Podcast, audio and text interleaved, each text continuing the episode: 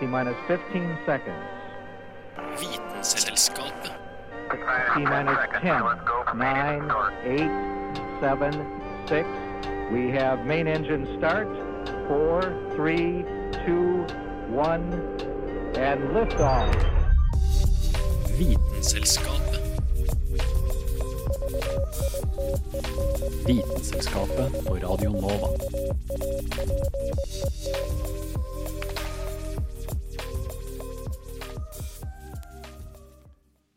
I et studio langt, langt vekke sitter tre ivrige populærvitenskapere og tenker på film. For hvor mye av disse filmene er det egentlig som er realistisk? I dag skal oss i Vitenselskapet ta for oss noen av disse store, kjente filmene og se hva for slags pek som faktisk lar seg gjøre i virkeligheten. Med meg til det her så har jeg Hanne Grydland og Juliane Li Fjell. Hjertelig velkommen til Vitenselskapet Filmspesial. It's fun. I mean, the natural world is just. Du hører på Vitenselskapet på Radio Nova. What more do you want?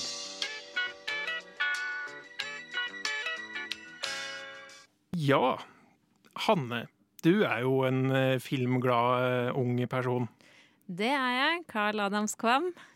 Ehm, jeg er mest glad i sånn litt eldre filmer, kanskje. Eller s- serier. Ja. Uh, Går vi tilbake til uh, sort-hvitt-tiden nå, eller? uh, Nei, ikke sånn, kanskje? eh, ikke sånn Casablanca og, eller noir og sånn, men eh, jeg snakker Star Trek. 70-tallet, 80-tallet, 90-tallet. Eh, der rullet jo Star Trek over, over skjermene som en serie. Det er vel også kommet noen filmer. Det er vel også en ny serie? Og det, ja, flere det er vel nye mange serier. sånn sides? ja, Ja, flere ja, nye serier uh, nå også. Uh, så Star Trek er ikke dødt. Uh, men Star Trek er jo for de som ikke kjenner konseptet, så er det jo på en måte i en framtid der romreiser er mulig, og der man har på en måte ulike arter fra ulike steder i verdensrommet har funnet hverandre. Eh, kriger, eh, reiser rundt, oppdager nye steder. Eh, og de reiser jo selvfølgelig rundt med sånne hypermoderne romskip. Og på disse romskipene så er det noe veldig gøy. Det er noe som heter en replikator. Har dere vært borti det? Er det en type slange?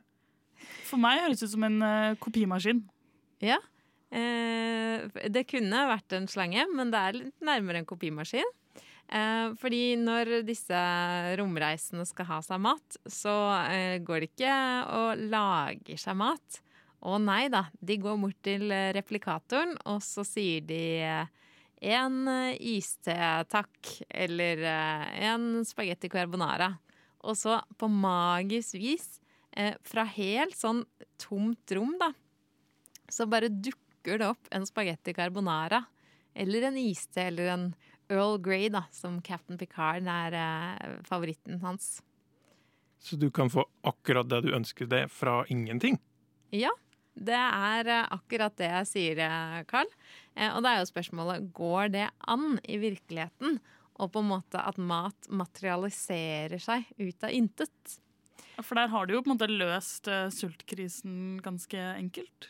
Ja, eh, man har jo det, og det er jo litt sånn greie også i Star Trek, at det ikke er noe penger lenger, eller uh, man har på en måte kommet litt fram da, til en sånn bedre fremtid. Um, og så er det jo litt, en, noen få, greier, få ting som man ikke kan lage i replikatoren. Det må være ikke-levende. Altså den er på en måte ikke, har ikke høy nok oppløsning til å lage levende liv.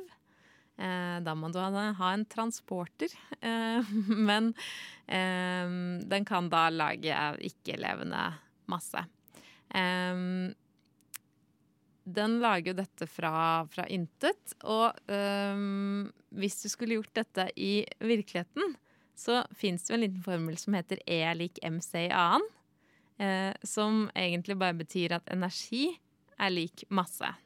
Eller mm, ganget en faktor og sånn, men energi og masse kan måte skapes litt om hverandre, da. Så teorien her er jo at man kan eh, Ved å bruke masse energi, eh, så kan du på en måte omgjøre den energien til en masse som du kan ta på. Eh, og det er på en måte mulig i praksis. Det er noen sånne europeiske forskere nå som jobber med å lage en sånn laser som er superintens. Altså den er sånn ti ganger så kraftig som eh, verdens kraftigste laser nå. Poenget med den laseren er at man kan skyte den ut i tilsynelatende eh, vakuum. Altså helt tomt rom, sånn som det er ute i verdensrommet. Eh, og det skal jo på en måte ikke være noen partikler der. Eh, men det er jo en sannhet med modifikasjoner, fordi selv i vakuum så fins det partikler. De bare oppstår i veldig, veldig kort øyeblikk, og så forsvinner de når de kolliderer med en antipartikkel fra antimaterien. Eh, så det som er poenget med den laseren da, som de europeiske forskerne bygger, er at du kan, eh, hvis du klarer å skyte på de partiklene eh, før de kolliderer med antipartikkelen, så vil du klare å liksom rive dem løs fra hverandre og, og skape stabile partikler. Så det er jo på en måte første steg da, hvis du skal lage en replikator som kan lage mat. Ja, Begynne med å lage noe i det hele tatt? Ja. Begynn å lage noen partikler. Eh, skyt på dem med laser. Det vil jo kreve enormt med energi, og du vil bare klare å lage en bitte, bitte liten håndfull. Eh, men det er på en måte første steg. Og så eh, er det jo da å bygge disse partiklene sammen i molekyler som faktisk kan utgjøre byggestoffene i proteiner og mineraler og, og det som utgjør mat. da. Så da må du på en måte la disse molekylene kjemisk eh, reagere sammen. Eh, så, eh, og da kan du kanskje tenke at du bygger en sånn diger mikrobølgeovn med et sånn elektromagnetisk magnetfelt eh, som, hvor du kan bruke til å liksom guide de partiklene eller molekylene på riktig plass. da. Eh, så i teorien så kan du skape materie fra intet. Og du kan på en måte bygge opp noe molekyl for molekyl eller atom for atom. Men at det i praksis er mulig, det er det nok ikke. For det vil kreve så enormt med energi eh, og ta så ekstremt lang tid at det er nok fortsatt kun i Star Trek-universet at man kan finne en sånn matreplikator. Kanskje en dag. Tusen takk for det, Hanne.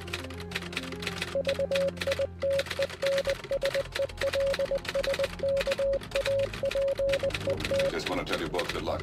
We're all counting on you. И пусть посмеются над своими страстями. Ведь то, что они называют страстью, на самом деле не душевное. Vitenselskapet. А лишь трение между душой и внешним миром. Knekker vitenskapens koder. Good job. Det fins mange filmer der mennesker krymper oss sjøl til miniutgaver. I nyere tid er nok Antman-filmene de største filmene om de minste folkene. Og skal finne fram lupa og se litt nærmere på krympeteknologien i en gammel klassiker. Oss snakker sjølsagt om filmen 'Kjære, jeg krympet barna'. Diane. Are you trying to tell me the machine works? Do the kids know? Well, yeah, the kids know. That's great! It's not that great. Why? I shrunk the kids. And the Thompson kids, too. They're about this big. Threw them out with the trash. What? Selv om verden kanskje føles solid for oss, består både vi og tingene rundt oss av en god del tomrom. Atomene, de bitte små byggeklossene vi alle er laga av, består som kjent av en kjerne omringa av elektroner i bane. Litt som planetene som kretser rundt sola.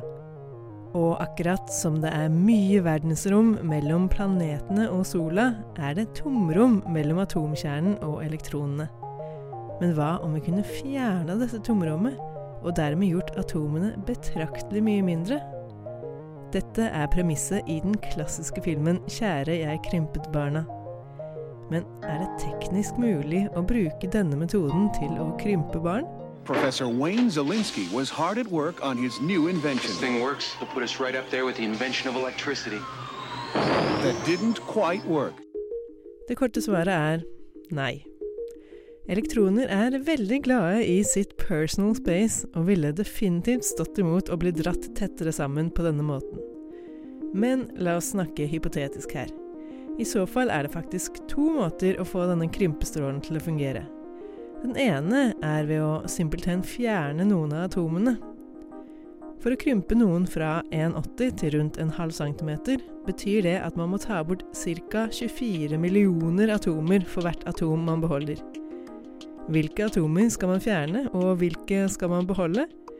Personlig syns jeg det høres ut som det er ekstremt lett å trå feil med denne metoden. For ikke snakke om at du må finne et eller annet sted hvor du kan lagre de ekstra atomene. Hvis du har et ønske om å komme tilbake til vanlig størrelse igjen, da, selvfølgelig. Den andre metoden, som teoretisk sett kunne funke, er ved å gjøre selve atomene mindre. Som jeg sa tidligere, består et atom av en kjerne med elektroner rundt. Elektronene er negativt ladede partikler som fucker opp vår drøm om å krympe barn. Så hva om vi tar og bytter ut elektronene med noen andre negativt ladede partikler, nemlig muoner? Atomer med muoner er opptil 200 ganger mindre enn våre vanlige, kjedelige atomer. Dessverre så er de også temmelig ustabile, for ikke snakke om at det kun er nylig at forskere har begynt å undersøke det å bytte ut muoner med elektroner og vice versa. Rent hypotetisk er det imidlertid teoretiske muligheter for at dette kanskje kan fungere, så det er et halmstrå vi kan klamre oss til mens vi venter spent på utviklingen i fysikkforskningens verden.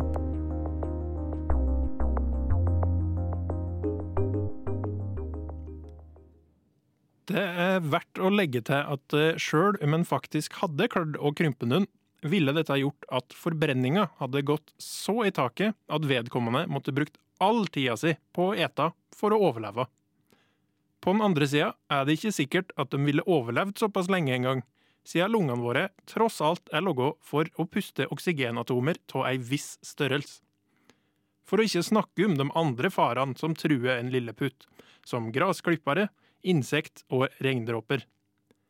Kanskje best å unngå å krympe noen, foreslår Kristin Grydland, som logger denne saken.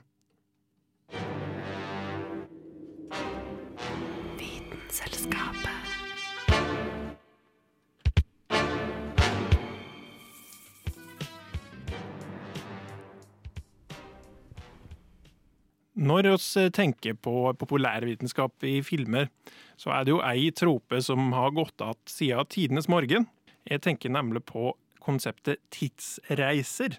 Og det er noe som du er fascinert med, Juliane?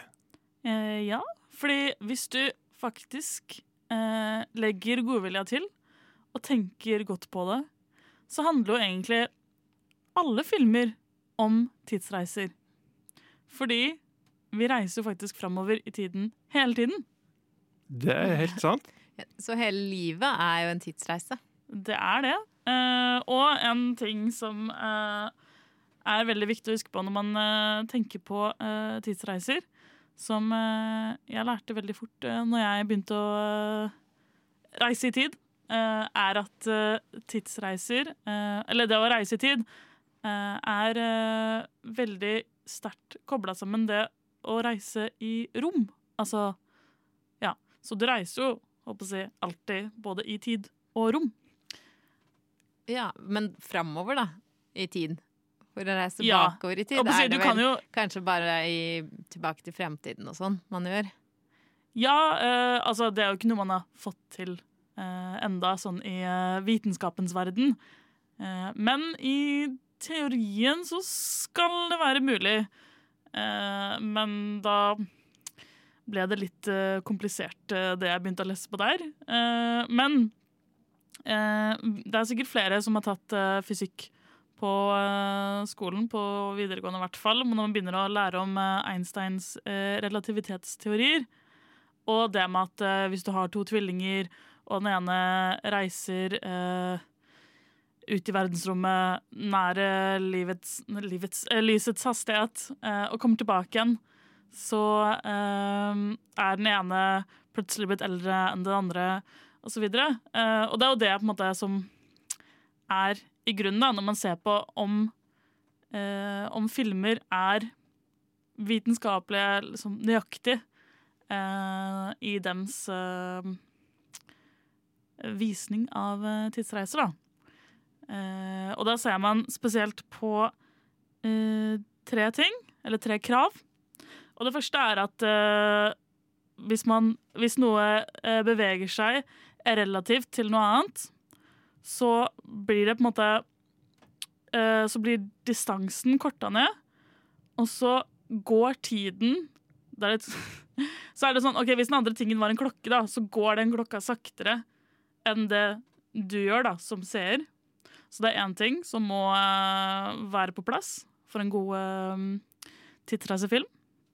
Eh, det andre er at eh, ting som um, Eller relativt til den personen eller filmen, så beveger lyset seg i en konstant hastighet. Som det skal gjøre alltid, men det er en sånn tidsreiseregel.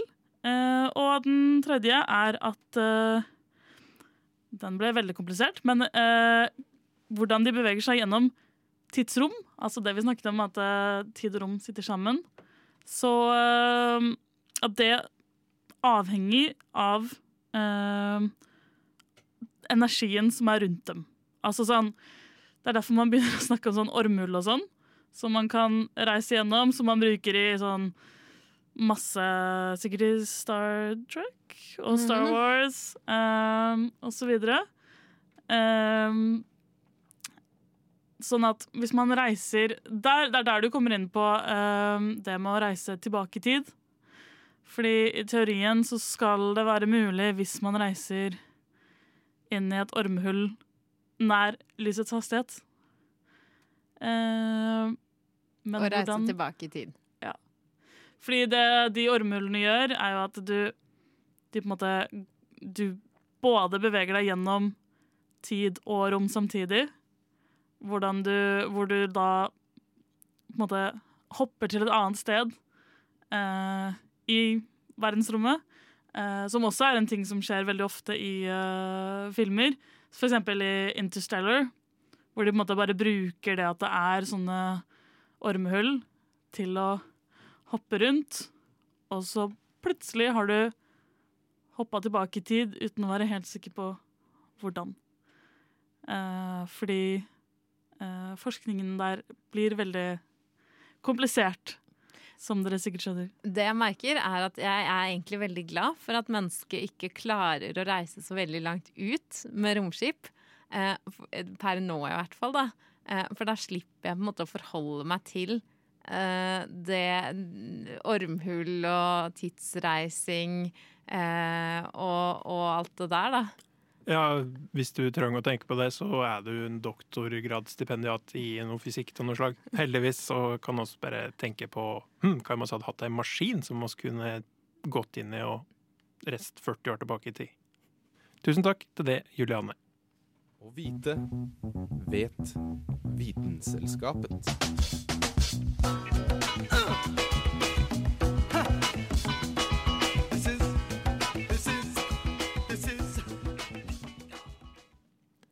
Den neste filmen som vi skal dykke oss ned i, er en dyster framtidsfilm.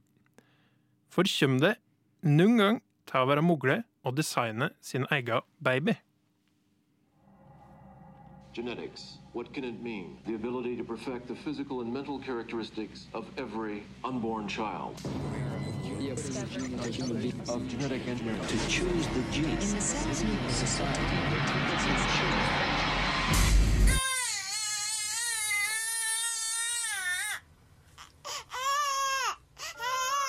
Gratulerer.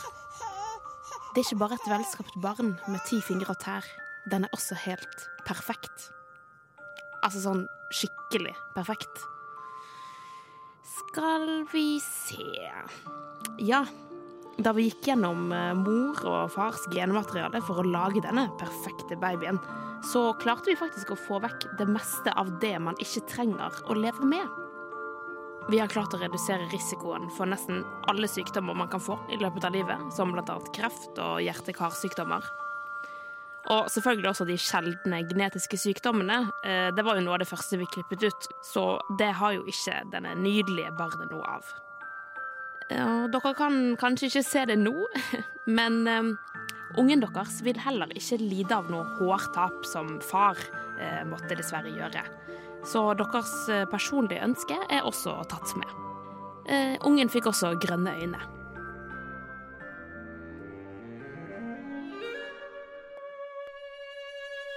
Denne babyens navn er Anton. Han er et barn av foreldre i middel- og overklassen, der det har blitt helt normalt å lage barn in vitro etter utvelgelse av de beste genene, og alle de genetiske defektene har blitt luket ut. Anton kommer til å få et veldig bra liv. Han kommer til å få alle muligheter til å komme inn på de beste skolene, og også få de beste jobbene. Hans foreldre lagde Anton på denne måten etter at de angret på å lage hans storebror Vincent på den tradisjonelle måten. De fant dette ut at etter at Vincent kom til verden, at de hadde gjort noe skikkelig dumt, og at Vincent kommer til å bli en taper, en såkalt invalid. Selv om lille Vincent drømmer om å bli astronaut, så vet foreldrene at denne drømmen kommer til å bli knust bare pga. hans genetiske profil.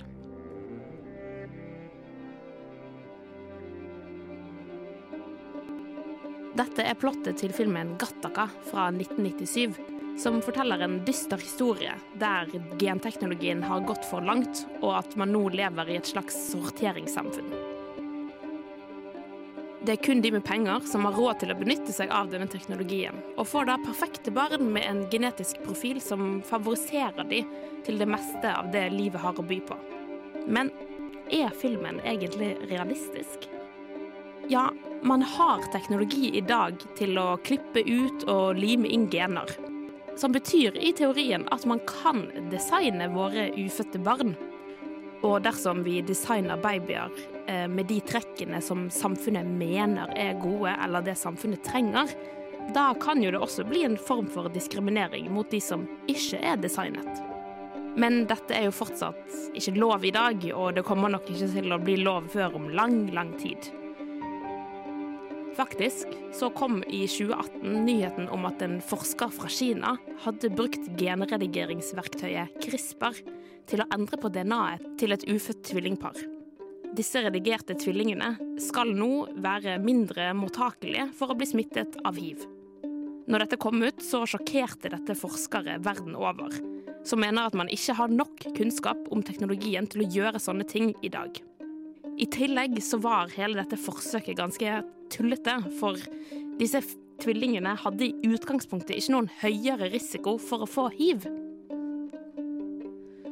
Så dette ble vel primært gjort for at han skulle bli den første i verden til å ha redigert et ufødt liv.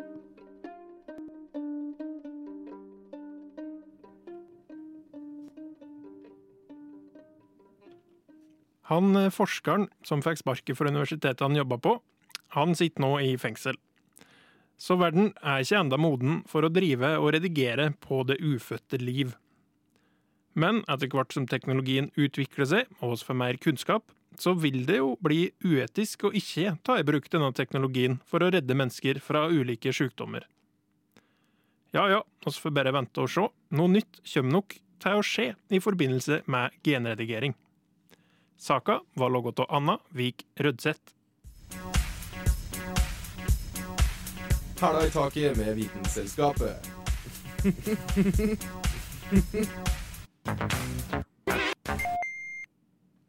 Ja, og så er vi over på den filmen som jeg har sett og uh, syns er morsom. Som eh, egentlig burde hett Matt Damon og poteta. Jeg vet ikke om dere skjønner hva filmen snakker om? Nei. Det er The Martian.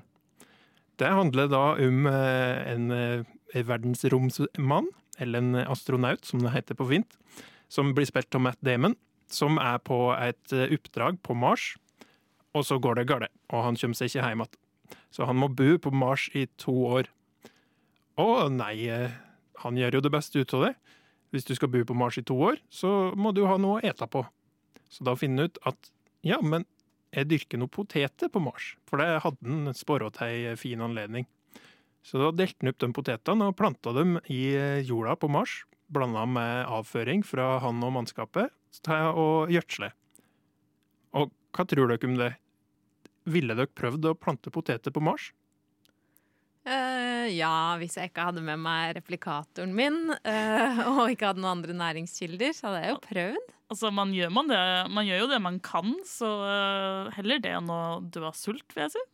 Ja, Nei, fordi hvis vi skal ut i verdensrommet etter hvert, så må vi jo ha noen måter å skaffe oss mat uten å måtte reise helt til Irland for å kjøpe poteter. Og det er noen folk som har forska på dette med å plante poteter på Mars. De har ikke gjort det på Mars, da. De har gjort det her på jorda vår. Det er noen folk eh, på, i Florida som finner på sånn artig, et artig forskningsprosjekt. Så de tok da og fant noe jord på, eh, i noen vulkaner som kunne ligne på det som vi finner på Mars. Og så logga de i tillegg noe jord fra, fra bunnen av, med vulkanstein, leire, diverse salte. Eh, og de klarte å dyrke i den jorda som de fant eh, som var naturlig her på jorda. Der var det nok eh, næring hvis du tilfødde. Mens den kunstige jorda, som da kanskje ligner mer på den på Mars, der var det dessverre ikke noe hell. Men det er jo veldig vanskelig å si akkurat hvordan den jorda på Mars ser ut, så det kan hende at eh, den jorda eh, som er god på Mars, funker. Mye av problemet ligger i at eh, her på jorda så har vi jo marken, for eksempel. Alle kjenner til marken som Mm. et jorda. Gjør den eh, grøderik. Mm. Ikke noe mark på Mars. Med mindre de er kjempestygge, store, skumle sandormer, da. Og du har heller ikke de mikrobene i jorda. Så jorda byr nok på problem, men det kan hende at vi har det jorda og strøng på Mars. Men når en skal dyrke poteter, så heller det jo ikke bare med jord. Du må ha vann. Eh, og det er litt vann på Mars. Det, på Polene så er det is. Men å reise opp til Polen for å finne seg en klump med is, det blir litt strevsomt. Så det Matt Damon gjør da, i The Martian, er at han har tilgang på rakettbensin. Og vet du hva rakettbensin består av? Mm, nei Jeg vil tippe vann, men det er ikke det jeg ville trodd fra før av. Eh, nei, det er jo på en måte vannet består av, for det er hydrogen og oksygen. Hydrogenet brenner veldig varmt når du får fyr på det, og oksygenet da hjelper til å brenne. Så når du kombinerer hydrogen og oksygen, så eh, er det masse energi det er snakk om. Men vann er jo som kjent H2O, så da har du alle de råmaterialene du trenger i den rakettbensinen som du har tatt med deg. Så eh, poteter, bæsj, eh, rakettbensin. Ja, da har du kommet langt. Du må jo sjølsagt ha et drivhus av noe slag, og eh, ta og helle disse potetene trygge. For de har vær på Mars òg, ser dere. Der har de noen stygge stormer der det er støvet som kommer virvlende. Og det varer lenge, og det kan eh, blokkere ut sola i mange dager. Så eh, det er et problem hvis en tenker at eh, solceller er en veldig fin energiform. Ikke på Mars, for der kommer stormene og tar det. Men hvis du klarer å ha det et drivhus på Mars, da, så må du i tillegg sørge for at de har veldig gode vegger. Fordi her på jorda så har vi jo et eh, magnetfelt rundt oss. Eh, alle gode nordmenn bør jo kjenne Christian Birkeland sine eksperimenter. Og det er da øverst i atmosfæra så er det et felt som sørger for at eh, partiklene som kommer fra sola, ikke treffer oss alle sammen. Det er en del ja, solstormer som kommer iblant, eksempel. Der det kommer masse eh, stygge, stygge partikler som er farlige for oss folk, og særlig farlige for eh, teknologien vår. Da. Eh, men hvis du klarer da å bygge deg et drivhus som tåler det der, du har rakettbensin og rømt vann, og du har litt marsjord og bæsj, så kan det tenkes at du får til å logge, eller dyrke fram poteter på Mars.